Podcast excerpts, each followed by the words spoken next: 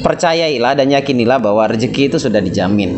Bayi baru lahir saja, Allah sudah jamin rezekinya dalam bentuk ASI yang tidak pernah ada habisnya di tubuh ibunya. Nah, itu bayi yang tidak paham apa-apa, tidak bisa berpikir apa-apa. Bagaimana dengan kita yang hari ini dilengkapi dengan sebuah keilmuan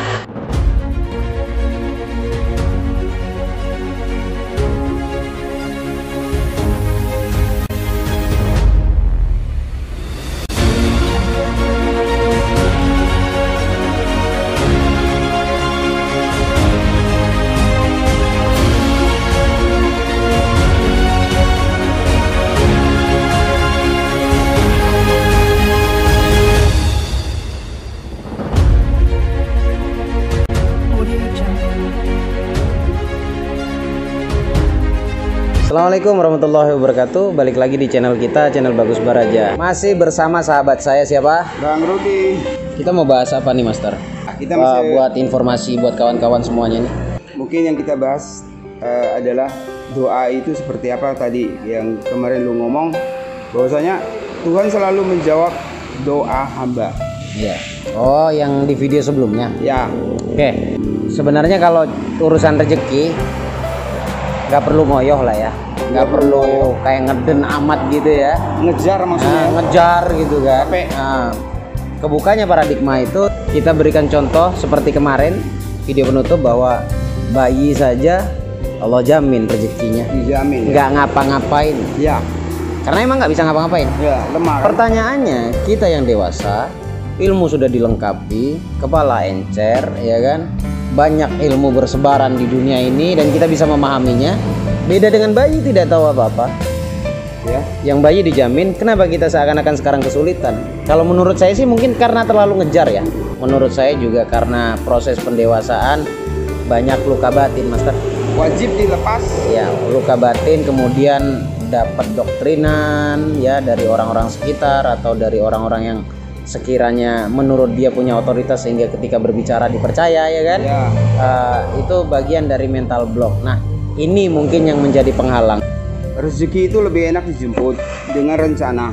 oke Rencana yang besar. Hmm. Ketika lu bermitra dengan Tuhan, artinya lu punya Tuhan. Lu boleh rencana yang besar, Bro. Kalau saya bilang kerjasama menjalin kerjasama dengan Allah gimana? Ya, dan semua doa itu akan terjawab, dikabulkan pastinya karena sejak bayi eh, Tuhan sudah memberikan jaminan itu kan. Jaminan. Mamanya tiba-tiba di, di- bisa punya ASI. Hmm, Nah, itu kan keren banget tuh. Manusia itu ajaib, men. iya. Baru bayi baru oe aja gitu kan. Mamanya langsung bereaksi, bangun, Artinya terus Tuhan digendong, diasiin ya. Ya, ketika dia menangis tengah malam eh, dengan kasih sayang mamanya, dia dikasih minum. Artinya Tuhan sudah memberikan jaminan rezeki Iya. sejak kita bayi. Iya. Oke?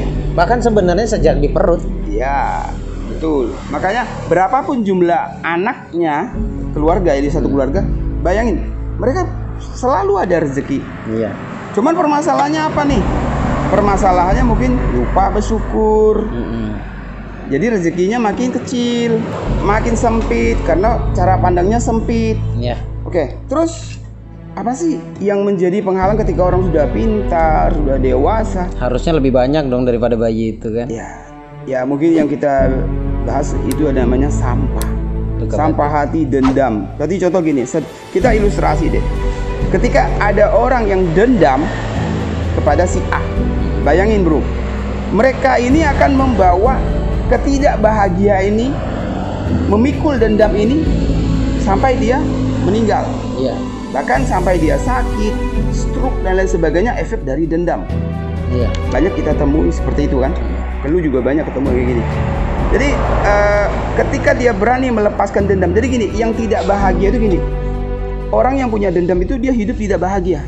Kenapa gue bilang begitu? Dia membawa emosi dendamnya dalam hidupnya. Dia nggak lepas nih.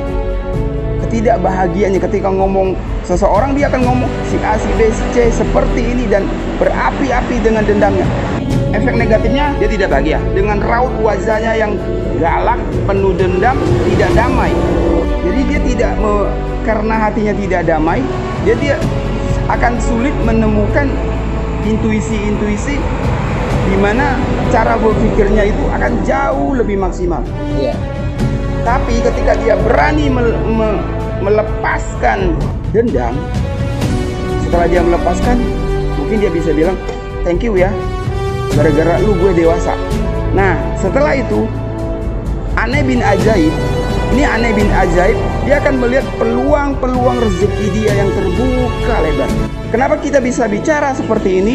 Hasil dari terapi dan testimoni peserta perjalanan kita saya sama Bagus ini kenalnya udah lama ya 2016 Iya.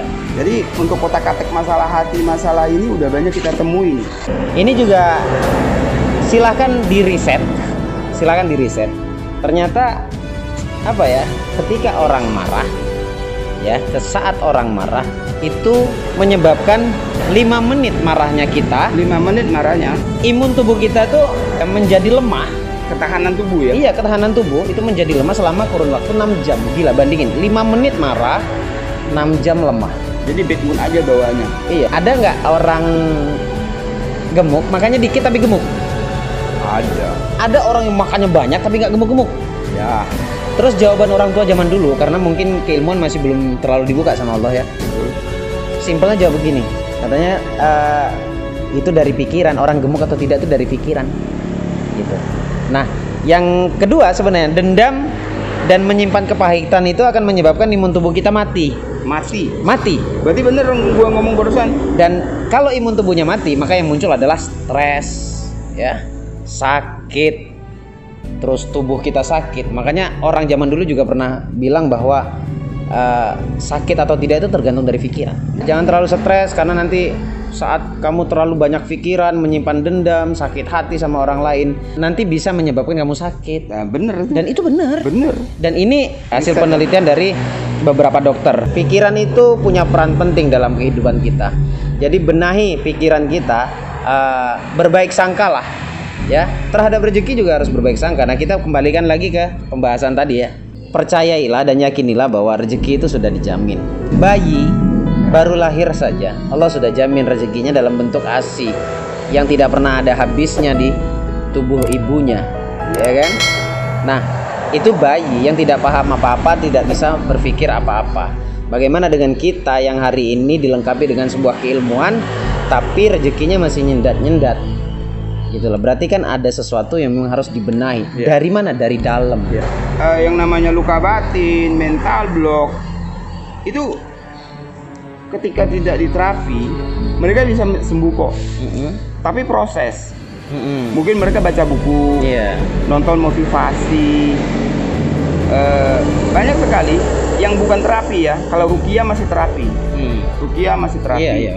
Jadi yang bukan terapi gini ketika eh, mereka ingin sembuh dari masa lalunya mental blocknya luka batinnya eh, bisa sih dengan membaca buku nonton motivasi Mm. ya tapi akan lebih cepat ketika dia langsung pergi ke terapis Iya.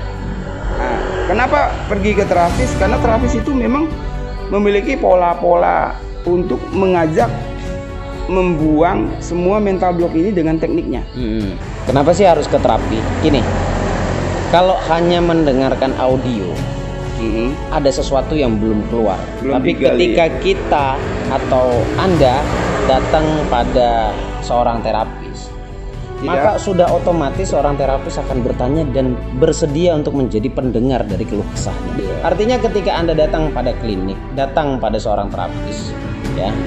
Contoh eh, peserta kita yang bergabung di grup kita, Ya, itu kami berdua, saya, Bang Rudi, memberikan waktu untuk dia bercerita. Saat Anda punya permasalahan, saat Anda punya unek-unek yang belum dikeluarkan, itu rasanya apa ya? Ya ibarat bahasa sekarang mungkin sesek rasanya ya. Iya. Tapi ketika Anda cerita, Anda keluarkan, Anda curhat unek-unek Anda, ada kelegaan tersendiri. Itu belum diterapkan dan uh, seorang terapis harus mampu menggali ke dalam kemudian nyabut permasalahan itu sampai ke akarnya oke. itu itu tugas kita dan diangkat. Karena ketika seorang klien berkeluh kesah itulah kesempatan seorang terapis mencabut hingga ke akarnya. Nah, setelah dicabut hingga ke akarnya, menemukan kelegaan, ketenangan, kebahagiaan, maka kita masukkanlah uh, kebahagiaan baru, informasi baru, sugesti baru, doktrinan baru, menggeser semua mental block. Otomatis ketika diterapis, maka luka batin akan hilang pasti, Mas. Kalau versi saya gambarnya seperti itu, Mas. Betul. Jadi gini, uh, ketika mereka yang sadar bahwasanya di dalam hati dan jiwanya itu bermasalah, uh, selain ke psikiater dia harus ke terapis. Terapis ya, terapis itu memang yang spesialis untuk membuat dirinya damai. Iya. Sebelum kita tutup, Master, uh, kita informasikan ke semua kawan-kawan, khususnya yang berada di Jakarta, Bandung dan sekitarnya, kami mengadakan acara seminar offline langsung bertemu dengan kita uh, di tanggal 12 Januari 2020 untuk daerah sekitar dan untuk dari luar kota silakan juga yang ingin bergabung nanti kita share informasinya atau kita share nomor telepon yang bisa dihubungi. Uh, Master apa saja yang didapat saat seminar nanti Master? Ya kalau di seminar pastinya mereka akan mendapatkan uh, terapi hmm. uh, minimal 5 5 terapi minimal dan yeah. terapi mandiri dan terapi itu juga akan bermanfaat untuk uh, menyembuhkan fobia, uh, luka batin, mental block. Terus cara bagaimana membuat gol banyak sebenarnya sih ya. sebenarnya. banyak. Terus inner beauty-nya juga kita bocorin bagaimana iya. menjadi pribadi yang semakin anggun menarik. Iya. Ya. Semakin menarik lah untuk orang ya, banyak. semakin penuh cinta lah.